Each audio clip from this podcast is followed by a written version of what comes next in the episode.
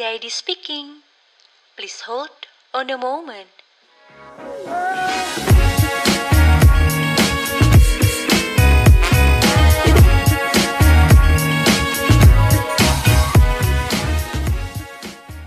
Gimana kalau kita langsung balik aja ke segmen Fisik Tangis, bincang asik tentang bisnis. Nah, kenapa sih uh, Kak Ian ini uh, awal-awalnya kan Kak Ian rencananya mau bikin bisnisnya offline nih awalnya. Kenapa tuh kakak uh, kepikirannya tuh ngerancang bisnis offline? Padahal kan bisnis offline itu lebih riski kak. Um, setiap bisnis itu punya profil resikonya masing-masing, mm -hmm. terus punya juga gaya buat narik konsumennya masing-masing gitu. Mm-hmm. Ada hal-hal yang bisa kita lakukan secara online, ada hal-hal yang nggak bisa kita lakukan secara offline. Iya benar-benar. Nah menurut aku itu berlaku di F&B juga, terutama dimsum. Kenapa harus lebih banyak di segi offline? Satu, dimsum itu adalah makanan yang kenikmatannya itu lebih ketika masih hangat dan tahu cara prosedur pembuatannya. Jadi ada lebih baik kalau yang memasak itu dari pihak Tiger Spoon sendiri misalnya. Jadi memang uh, menghindari dengan tipe online gitu. Ketika online kamu misalnya online dibawa sampai ke rumah udah dingin hmm. ya masih enak tapi menurutku rasanya udah nggak sebegitunya. Oh iya, berarti memang tergantung dari bisnisnya itu lagi ya kak uh, untuk masalah uh, sebaiknya offline atau online dan resikonya lebih tinggi yang mana?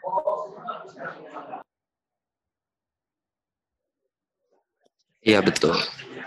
Hmm. Iya, terus uh, tapi sebelum kakak memulai bisnis itu apa aja sih jadinya yang harus kakak siapin? Karena untuk menghadapi nih dengan resiko-resiko dari bisnisnya kakak. Oke, yang pertama itu yang perlu kamu siapin. Yang pertama adalah mulai aja dulu. Hmm. Itu namanya kamu start small, grow grow bigger. Itu selalu aku pegang. Kenapa?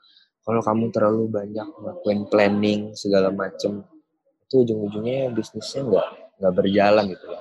Kita mulai dari sesuatu yang kecil, tapi kita terus belajar dan upgrade uh, bisnis kita serta kemampuan kita gitu. Karena seiring berjalan dengan waktu, kamu pasti banyak banget yang bisa kamu pelajari. Nah, selain itu yang perlu kamu siapin adalah modal. Modal di sini bukan tentang uang yang aku bakal ngomong. Modal itu banyak banget tipenya. Mulai dari skill kamu, dari waktu kamu, sumber daya manusia kamu, dan tentunya pasti mau nggak mau tetap harus ada dananya gitu.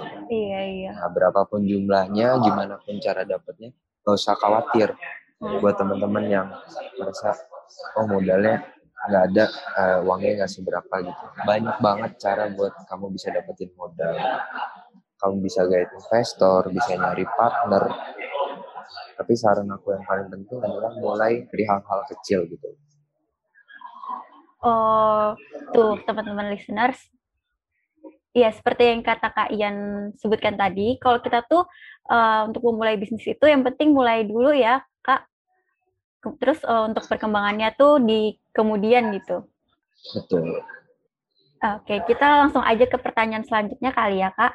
Um, karena bisnisnya Kakak ini offline setengah offline setengah online juga kakak tuh lebih fokus pemasarannya ke mana sih apakah uh, fokus ke online atau kakak juga berpegang ke work of mouth atau gimana oke pemasaran yang tetap kita lakukan secara rutin adalah by online kita tetap hmm.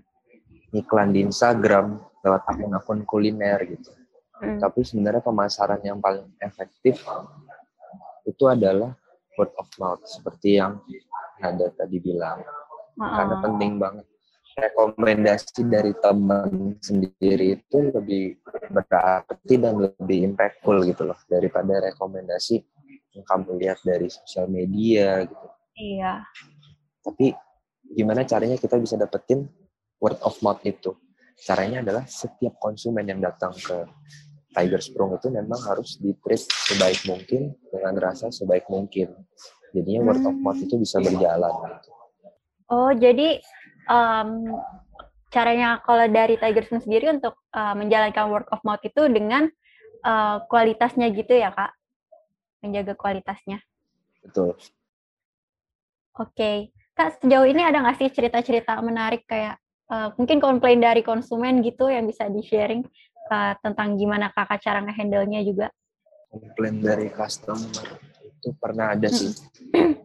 Masalah. Ini aku sharing ya tipenya. Iya, iya. Sharing aja, Kak. Ini kait dengan sumber daya manusia gitu. Jadi ketika aku punya ada salah satu waiter itu mm -hmm kurang ramah dan dia cenderung jutek gitu istilahnya. Terus ada salah uh. satu konsumen yang merasa tidak dilayani dengan baik. Uh. Lalu dia sampaikan keluhannya kepada kami dan ya kami tanggapi dengan sangat baik gitu. Harus pelanggan itu harus kita tanggapi dengan sangat. Kami sampaikan permohonan maaf, lalu yang terpenting adalah evaluasinya kepada teman-teman di waiter supaya kesalahannya tidak terulang gitu. Terus ketika ada komplain itu jangan jadikan hmm, kita nggak mau menerima kesalahan itu, tapi ambillah jadi pelajaran terus evaluasi. Terus kita juga bisa ngasih kompensasi ke pelanggan. Mm-hmm. Fungsinya untuk apa? Mm-hmm. Supaya pelanggan yang merasa kurang nyaman uh, terhadap pelayanan atau misalnya terhadap kualitas makanan kalau ada gitu itu merasa hmm, mereka dilayani komplainnya dengan baik. Gitu. Oke, oh mungkin uh, intinya uh, kita harus memperlakukan konsumen itu seperti raja gitu ya? Iya, kalau orang bilang sih kebanyakan gitu. Mm -mm, bener banget. Uh, ini terus kita masuk ke pertanyaan terakhir dari aku nih kak. Kira-kira apa sih yang bikin orang wajib banget nih datang cobain dimsumnya Tiger Spoon? Atau apa sih yang bikin dimsumnya Tiger Spoon tuh beda dari tempat dimsum di lain?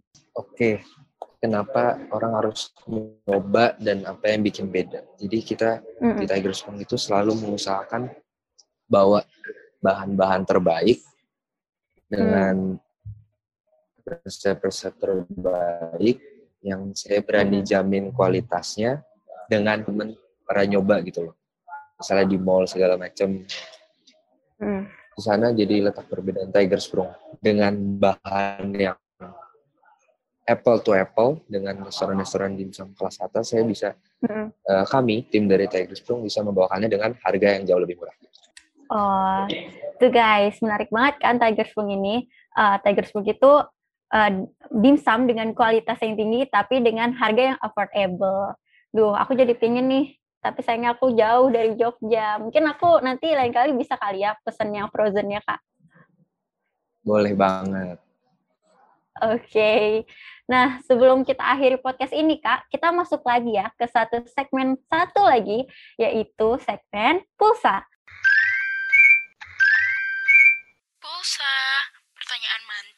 dari pemirsa. Nah, di segmen ini, Kak, aku bakal uh, bacain pertanyaan-pertanyaan dari para listeners nih. Kakak siap untuk menjawabnya? Siap. Oke, aku langsung aja ya bacain pertanyaan yang pertama. Uh, pertanyaan pertama ada dari Ed Kinanti Wibowo. Pertanyaannya, jika membuka toko offline, apakah perlu uh, membangun bisnis online-nya juga di marketplace? Uh, apakah tidak mengganggu perkembangan toko offline-nya? Karena fokusnya kan terbagi. Nah, gimana tuh Kak? Oke, terima kasih Kinanti buat pertanyaannya. Jadi perlu banget ketika kamu bangun toko offline itu kamu tetap membuka toko online-nya juga. Kenapa? Karena ketika toko offline kamu udah berdiri dan kamu punya toko online, kamu jadi punya power lebih, punya jaringan konsumen yang lebih luas, networking yang lebih baik. Jadinya produk kamu makin dikenal di mana-mana gitu. Ketika kamu punya toko offline tapi kamu nggak punya toko online-nya, sebenarnya kamu mematikan uh, networking kamu sendiri gitu. Nah, tantangannya adalah gimana cara memanage-nya. Itu bisa banget diakalin. Kamu bisa punya salah satu uh, waiter yang menjadi admin ya misalnya. Dan menurutku ngakalin itu bukan hal yang masalah mungkin tantangannya adalah ketika kamu mau buka toko dari toko online. Mau jadi toko offline mungkin kadang ada yang offline tuh. Tapi ketika kamu udah punya offline dan kamu go online itu ketika marketnya udah ada di offline harusnya nggak jadi masalah. Penting banget. Hmm tuh nanti Bo semoga menjawab ya pertanyaannya. Uh, terus kita langsung aja mungkin ke pertanyaan kedua ya kak. Oke, okay. uh, eh, pertanyaan kedua ada dari @dndw underscore.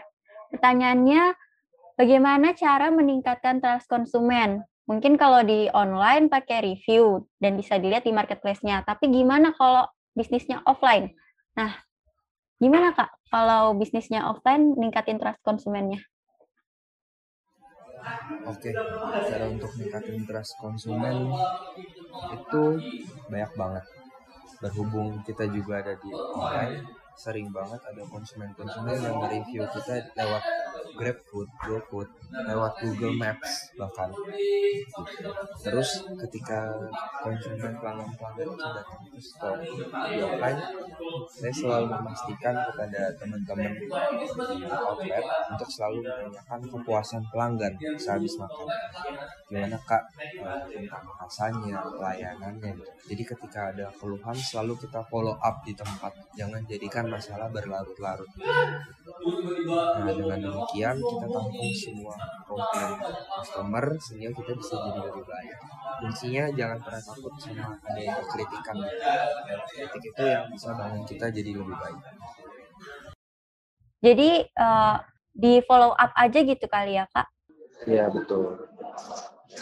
Oke, makasih banget Kak jawabannya. Semoga menjawab kegundahan listeners ya.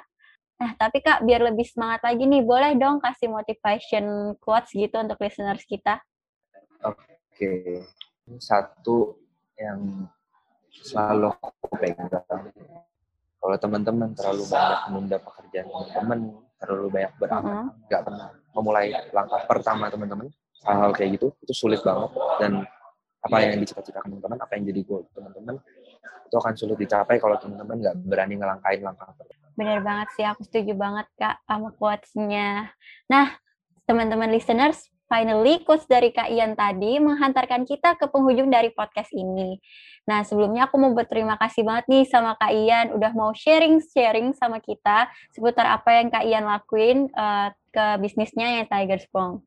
Semoga bisnis Kak Ian uh, sukses terus ya ke depannya. Teman-teman dari Latih ya. Iya, oke. Okay. Untuk listener, semoga episode kali ini bisa banget kasih kalian insight seputar bisnis dan semoga kalian juga bisa mengambil segala yang baik dari obrolan kali ini. Kalau listeners punya ke kegelisahan seputar bisnisnya atau butuh saran dari orang yang berpengalaman, boleh banget sharing-sharing di sesi Q&A di story-nya Latih ID atau langsung direct message ke Instagramnya at Latih Official. Dan jangan lupa follow Instagramnya juga Tiger Sprong di at Tiger Sprong. Bener gak, Kak? Oke, okay. uh, terus pantengin terus sosial media kita dan stay tune buat episode-episode selanjutnya. Jangan lupa follow Light ID Speaking di Spotify dan jangan lupa klik like, komen, dan subscribe di YouTube Latih ID. Jadi, aku Nada pamit undur diri dulu. See you di episode Latih ID Speaking selanjutnya. Bye!